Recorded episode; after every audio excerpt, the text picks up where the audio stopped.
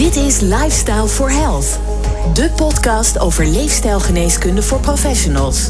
Luister naar de laatste wetenschappelijke inzichten, werkende interventies en verhalen uit de praktijk. Met experts en vakgenoten gericht op gezondheid, gezondheidszorg en wetenschap. You are what you eat. It's stating the obvious, but the possibilities for nutrition to prevent and even cure diseases are numerous. The term precision nutrition is gaining ground. What is it and what is it not? Determining what works is a great challenge because our diet is complex and varied. And on top of that, funds are limited. How can we advance the possible solution of precision nutrition to the other epidemics that we are not talking about that much in uh, corona times, such as diabetes and obesity? My name is Glenn van den Burg, and my guests are Professor José Ordovas. He is nutrition and genomics expert from Tufts University in Boston. Rens van den Berg, Innovation Director of the Dutch Diabetes Fund, and Ben van Ommen, Senior Scientist Lifestyle as a Medicine at the TNO Research Institute. So, all of you, uh, welcome to the podcast. Um, well, let's start off with the obvious question, uh, uh, Jose. Precision nutrition, what is it? Oh, okay.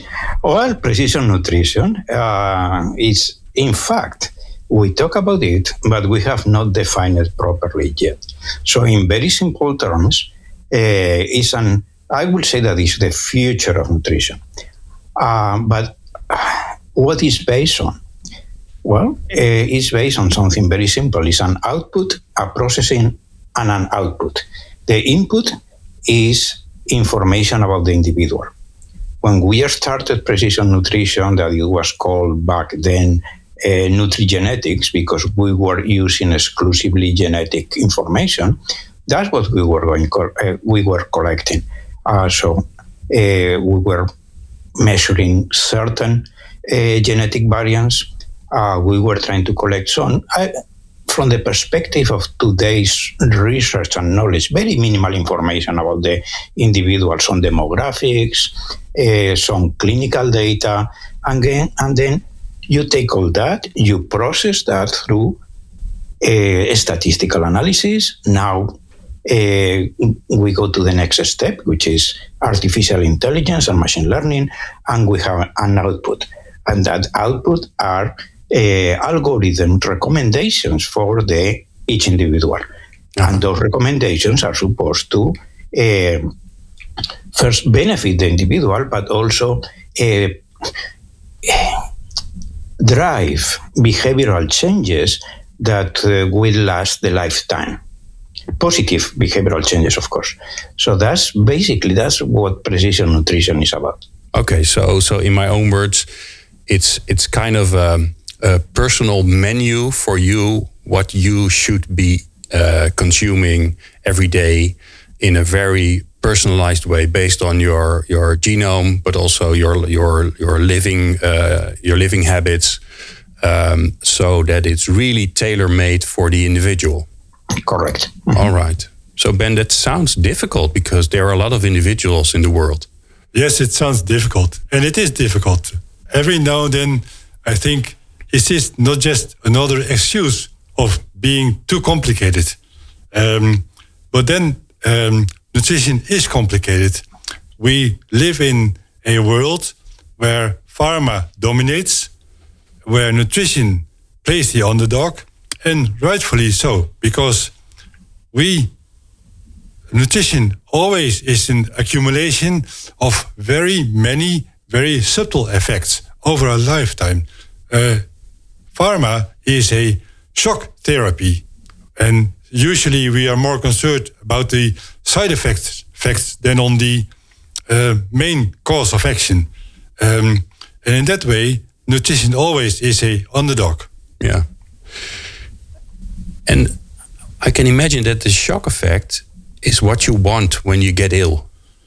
Then you want it you want it to go away. If you if you feel sick, if you if you have pain, you want it just to go away. And then the shock effect is of course from a behavioral perspective the thing that that people want. It's true, but then we need to check the cause of this shock effect. And if this is chronic lifestyle related um, we do need to um, um, refrain, no, not refrain, to uh, go to lifestyle as medicine, anyhow. Yeah, because of, of course, um, the medicine, they have side effects, but also normally it's not a long-term solution to be using insulin on a daily basis or um, uh, or using other kinds of medicine every day. It's worse than that. Uh, for type 2 diabetes, uh, we generally feel now that medicine is simply a postponement of execution. Uh, I can't say it more drastically. Mm. While lifestyle is um, really reversing the causes. Yeah. So, what's what's the promise of uh, precision nutrition, Jose? Well, um, the problem, the the, the uh, precision nutrition, what uh, will provide is what we already mentioned earlier, which is a, a guidance to each individual about precisely what are those lifestyle changes. And it's not only about nutrition, it's about uh, physical activity. Another aspect that we are very interested in nowadays is, for example, that it's not only what we eat, but also when we eat that is important. So okay. it's kind of looping the loop in terms of the precision because we are going to be able to recommend people about the specific dietary patterns or specific uh, foods that should be uh, minimized or augmented, but also when is the right time to eat, how to distribute the meals during the day in order to achieve that uh, maximum effect that will come from nutrition? That, as Ben was saying, is the underdog because of those uh, kind of small effects of each one of the things that we do, right? Uh, so, with what we have to uh, do is to understand better each one of those small things, put it together, and then have a big effect, right? Yeah. So that's uh, it's, it's just to to get away from that one size fits all recommendation that everybody is used to receive. Nobody pays attention. The statistics, the epidemiology has shown that yes, we had those recommendations of one size fits all. Uh, some people say since the 1980s, uh, I would say even earlier, and still you see the the curves of obesity, the curves of diabetes going up despite that. So we really have to change the way that we do these things. And, and, and Jose, why do you think that precision nutrition will help with that? Because um, uh, it also needs uh, a behavior change. You, you you need to stop doing things in, and start doing other things. Maybe stop doing things that you really like, like eating cookies, which is my, one, of, one of my uh, uh, problems, uh, and start doing things that you maybe well maybe you even like them, but even then it's hard to start walking every day or eating on uh, at another uh, time as you normally uh, are used to eat. Well, you mentioned uh, precisely the, the key, one of the key words here, which is behavior. Uh, obviously, there is no perfect solution for everybody, but if we manage to uh, convince a high percentage of the population to abandon the current track and move into the right track, uh, then we are really making a huge impact.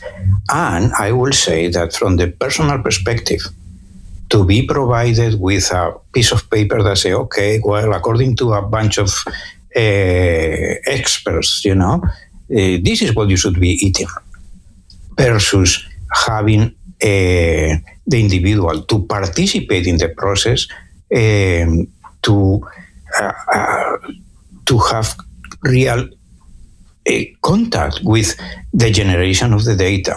And we can do that nowadays with all these uh, biosensors, intelligent uh, clocks, rings, phones that we have, yeah. and then educate, educate. But that's that's key. That education, that the, the individual understand what is happening, will be key. Yeah, and will, will it also be possible to to really um, follow the uh, the day to day experiences of people because I can imagine that if you had a if you had if you had dinner and you don't feel really okay next the next day, then you're wondering what did I do yesterday, and you don't know because you had a dinner and there's a lot of stuff in it and uh, different ingredients yeah. and maybe some uh, uh, some uh, uh, ingredients that are not so uh, natural. Um, do you think it would also help if you if you know how your body reacts to kind different kinds of of food that it, that it's also easier to adjust then? Yeah, and you point the finger uh, in the right direction, and is that yes, we have that experience, and unfortunately, probably too often. Uh, but again, we are left guessing, hmm, what did I do wrong, right? But uh, one of the areas in which we are working is precisely that real-time feedback, in which uh, okay, you do something and you see what is the effect, not only in terms of, for example, heart rate variability or other uh, more physical things, but also what happens to my glucose, what happens to my cortisol, what happens to other biomarkers that are really very revealing mm. about, for example, the inflammatory state or the stress state or, or, or insulin metabolism, right? Uh, so those uh, those will be things that are around the corner, yeah, uh, and that will empower the individual. Wow. So, Rens, uh, what do you think this will, this will mean for, for the population that uh, the Dutch Diabetes Fund is striving for to make their lives better? Like Jose mentioned, it's around the corner. And from that perspective, precision, individualized nutrition is both helping, promising, and stimulating. Um, it can help to live a healthier, happier life, but it's also promising because we are working towards that goal. And in the meanwhile, a lot of research and projects have to be done. Yeah. And at the same time, it's stimulating because we know we can do a little bit or even much more better. And that's compared to the, well, the shock you mentioned earlier. Yes, that's a heroic deed. Something is going wrong. You're doing something with medicine or a procedure, and then someone is cured. But that's actually not that heroic. The heroic part is seeing what's going wrong in the system and fixing the system and making a more informed choice and uh, procedure mm-hmm. or treatment. And then food and also behavior, uh, exercise, that's really important. So we have the, well, let's say, uh, lifestyle medicine part that's really curing people. You already are sick. There is something going wrong in your body, in your system. And yes, you could do something with medicine. That, that can be done. But you're not taking away the cause. And that's the most important part to do. So you can do that with lifestyle medicine. And at the same time, for us as the Diabetic Research Foundation, we're also focusing on, of course, a healthy lifestyle for everyone. Um, and that makes it very interesting, but also very complex. Yes, maybe in an ideal world and in the future, that's why it's very stimulating. You and I and Ben and Jose, we get a different treatment, personalized, individualized to each of us. And I think we will be getting there. But that's also a promise that's there for about 20 years already. But in the meanwhile, we know that for certain groups of people, certain treatments, certain diets, certain behavior is better than for other people. So then you get more to yeah, individualistic, mm. groupalized forms of treatment. That's a step we're already doing. Uh, that's stimulating us to go even a step further. Um, and of course, we also have to make a cost benefit analysis.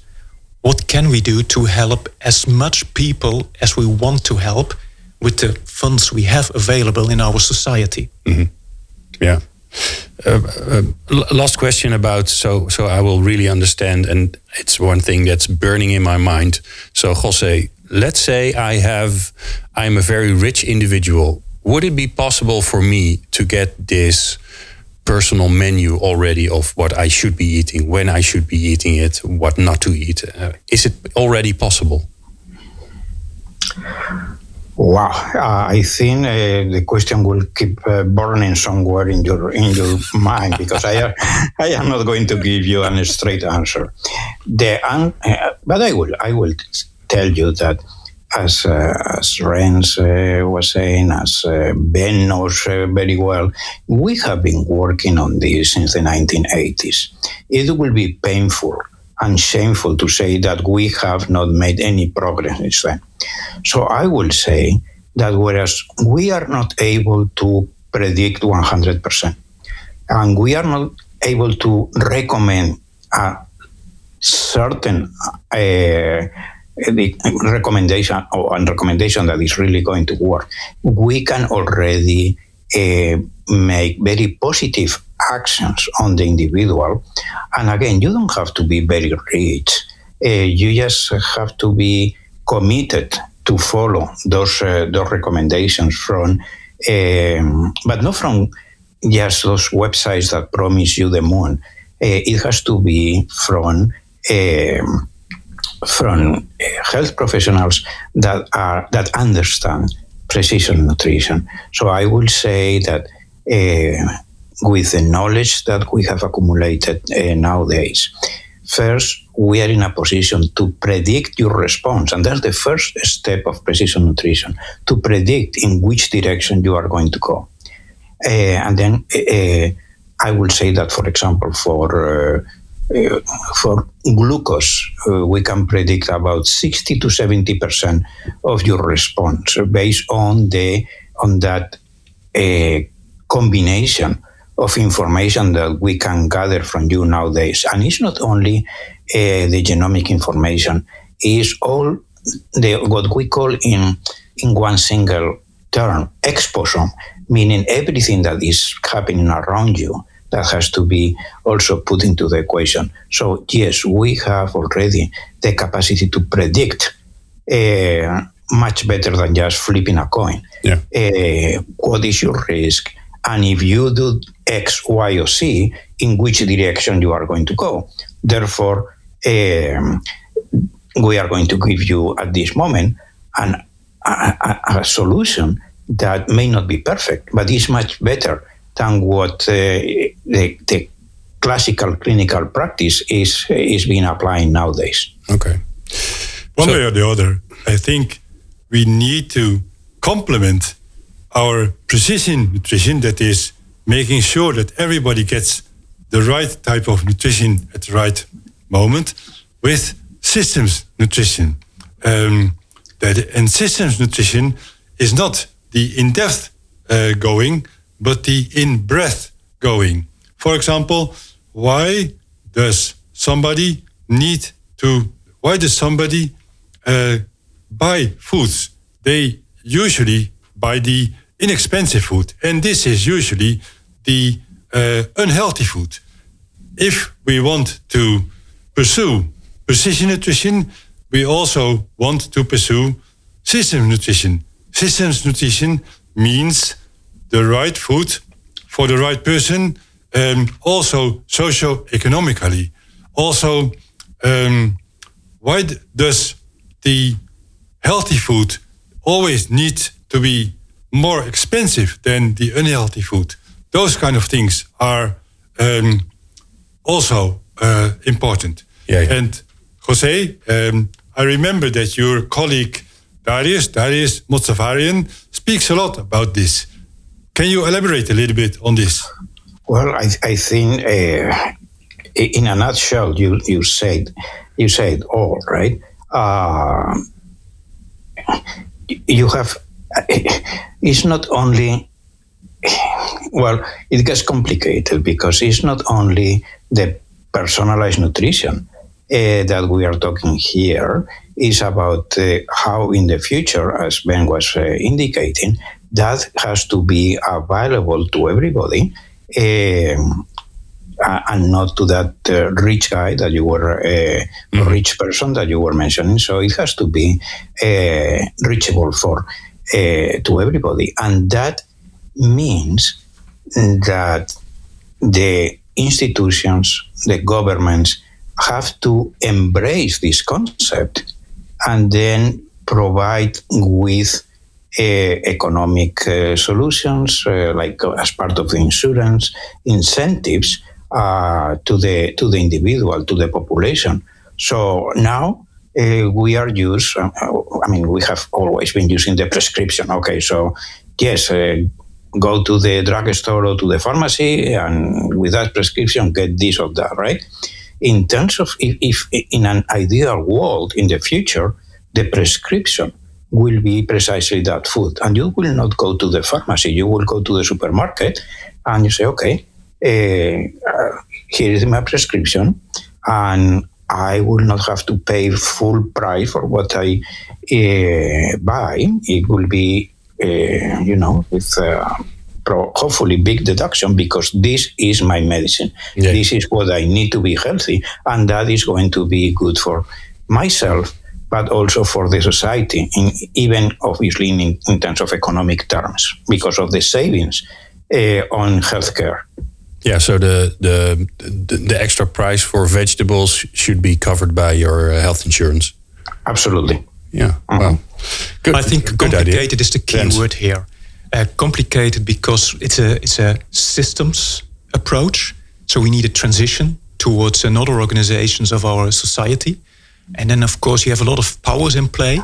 Um, and I think that if we making that step, maybe the, the, the, the profit margins might change, but you might also get new opportunities and gain new profits. So that is a very interesting model. But what we also shouldn't forget, Jose mentioned that, and, and that also holds for Ben, they've been working in, in the field of, well, food, genomic genetics, nutrition since the 1980s. This is probably one of the most complicated fields to do research because you and I, we are eating every day. But the apple we ate today will not be the apple we are eating tomorrow the apple changes, the time you're eating changes, other factors, other food you're eating changes. And we can't put you in a box and, well, really, really, well, do an experiment on you. Yeah. Because we are living in real life. So that makes this research so complicated. And, but then again, and also, Rens, what, what I hear, what I'm hearing you say is everybody that says do this because it will help you, except maybe for uh, quit smoking and uh, some other uh, drink less alcohol. And there there are a few things, of course, that we know are not good for you. But but if you say, well, eat more acai uh, berries or uh, uh, stop eating carbohydrates, that can never be an advice for everybody. First of all, it can never be an, an advice for everybody because every individual is an individual with individual needs. Um, but what makes it extra complicating is that you, you hope that everybody is able to eat healthy. Um, and yes, there are some general guidelines. And to make it very simple, and we are not talking about curation, but prevention. Uh, in the Netherlands, we have the Voedingscentrum uh, and the Schijf van Vijf. Um, very easy, down to earth, that holds for most people. Uh, and then, of course, you have diets. Then you're getting towards the cure. Um, well, then it has to be evidence based. Yeah. And then, of course, we have a lot of beliefs uh, or, or fanatics who say, mm. well, you, you should eat this because that, this helps you. And as long as you like berries and you want to eat them as much as, as you want, you're free to do so. Yeah. Uh, but you shouldn't be eating anything that also might have an adverse effect of eating too much of something. Because we also see people that are saying, well, you have to I'll take these vitamin pills, and then they are using dosages yeah. that aren't that healthy anymore. So please be smart, eat healthy, and if you're really sick or need a diet, go to your doctors or a dietitian. They can help you to provide you with the best insights that are available at this moment in time. And Ben and Jose are working towards the future where we can go even more personalized, individualized, going from prevention towards curation as well. But you know, Rens, let's be practical. What about the sugar tax that might be uh, implemented in the Netherlands?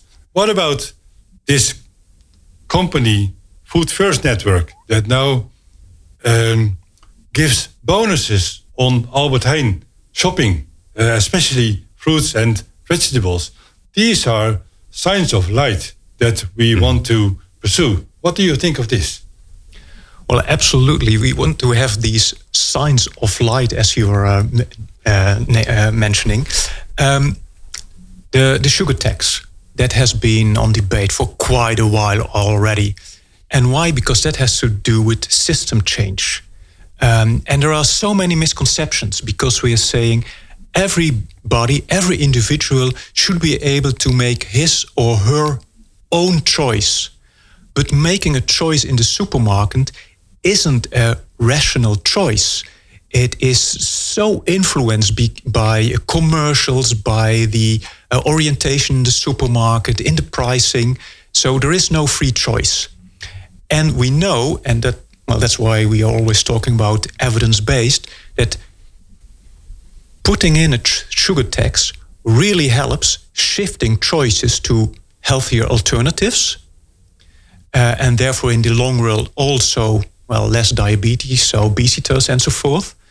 Um, and it doesn't automatically mean that the companies that have to reduce the sugar in their products um, won't make profit anymore. No, because they are selling other products. So I think this is really interesting. And I think that, well, for the Netherlands, we always say we are a knowledge economy. We are so smart. Well, then we should also be that smart that we can, well, really think out and produce new alternatives that are healthier, yeah. tastier, and making a competitive advantage for the Dutch industry, and that you can export this to other countries as well, because this will be moving forward. Because the number of people that are getting diabetes type 2, obesities, they are growing and growing. And as a society, uh, there will be a breaking point. We can't handle so many people with these kinds of lifestyle related diseases. Yeah. So, Rens, um, you're in charge of um, uh, innovation within uh, within the Dutch Diabetes Fund. So, if you look at the effect of the lifestyle interventions for type 2, two diabetes, they're very promising. Uh, I hear it also in my, within my circle mm -hmm. that people are already working with that. A friend of mine is uh, is a general practitioner that is already using it in his practice. So, how does this influence the research in type 2 diabetes? Well, yes, this is very promising. And what's also very promising is that in the Netherlands we have the Lifestyle for Health Consortium, started by uh, TNO and LUMC. And why? Because they said this is promising, but also a lot of work has to be done, and we have to combine our efforts. And it's not only doing fundamental research, but it's also looking at the data side, the regulation side, uh, education, uh, not only in high schools, but also of doctors. You have to take this systems approach. Mm-hmm. For us, as the Dutch Diabetic Research Foundation, we know that this is important and it is promising, and a lot of things has to have to be done. That's why we participated in Lifestyle for Health, because there we can not only combine our knowledge and expertise, but also our means to get to the point we want to get to that is more insight and a better treatment. Wow. So, looking at um, lifestyle as a medicine, uh, Ben, what development would be needed uh, for lifestyle as a medicine as a whole to become more successful?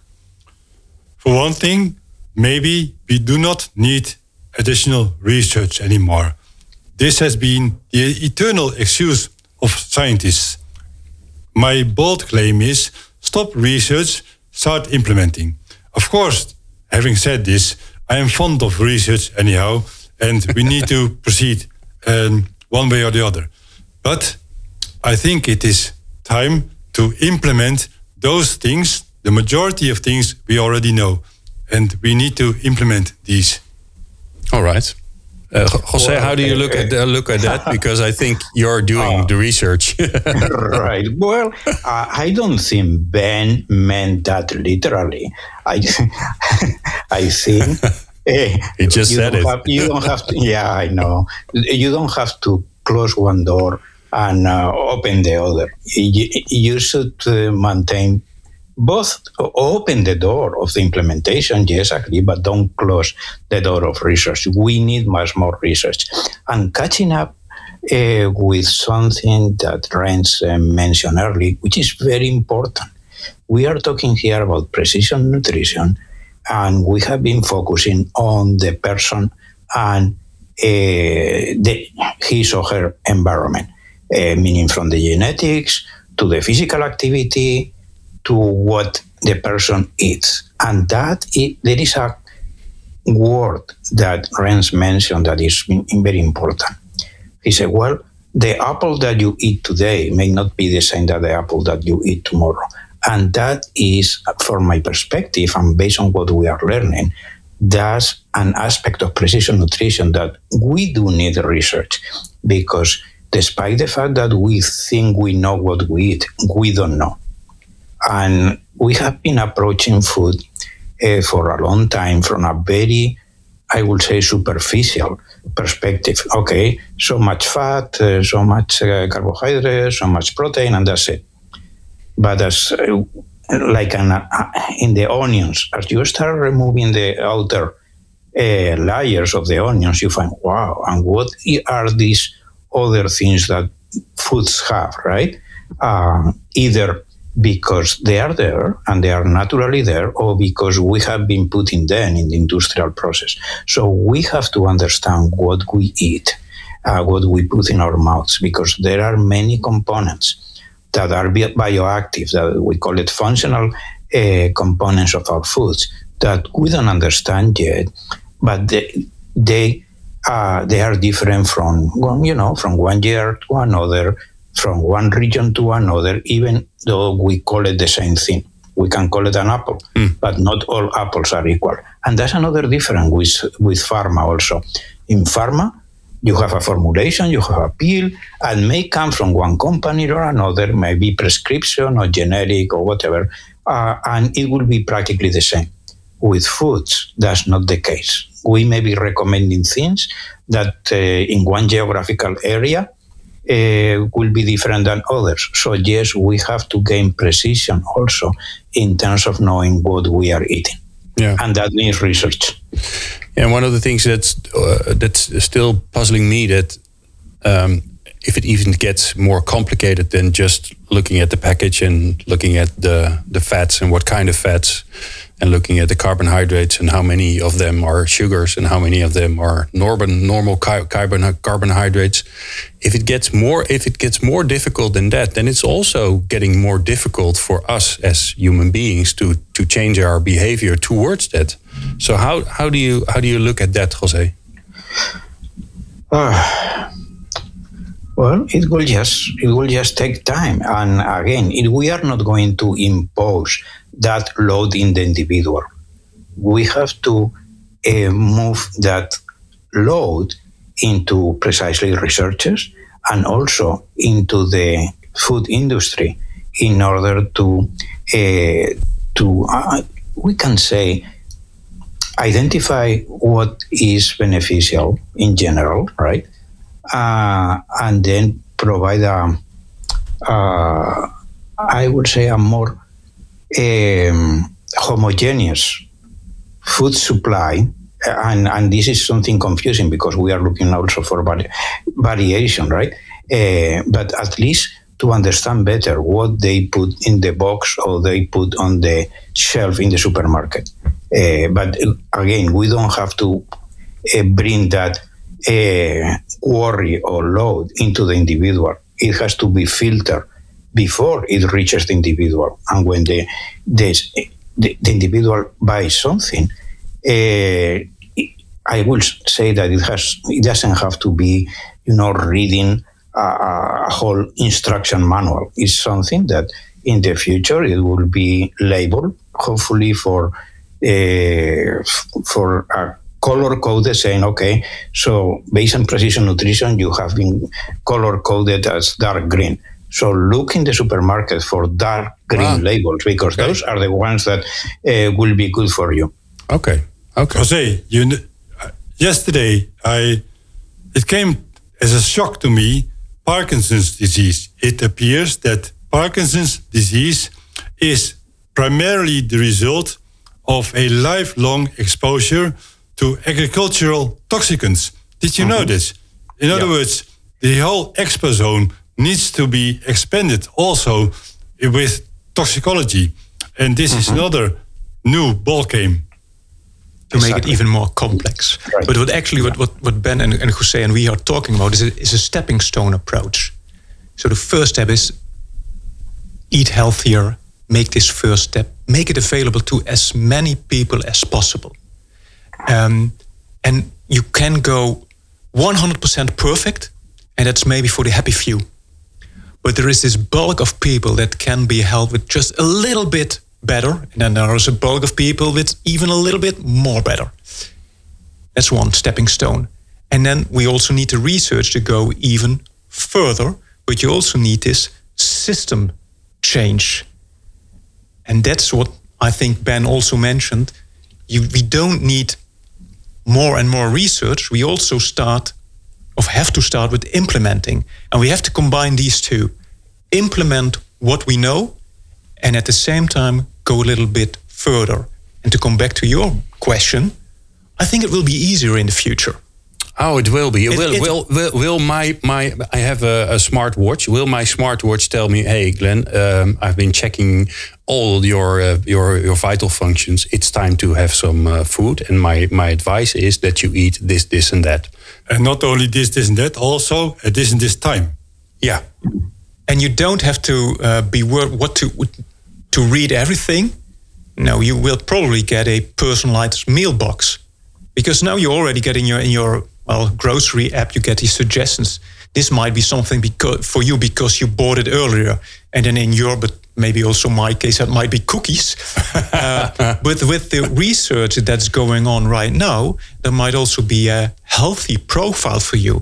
And then you'll get other suggestions. And so well maybe you want these berries because they are very well tasty and healthy for you as well. Yeah well, I'm looking forward to that. And I'm starting, of course, every day to make my life a bit better. And of course, you are also doing that. Uh, thank you very much uh, for all your insights, uh, Professor Jose Ordovas, nutrition and genomics expert from Tufts Boston. Thank you, uh, thank you, Jose, for, for, for, your time because it's it's quite early still uh, in, at your side.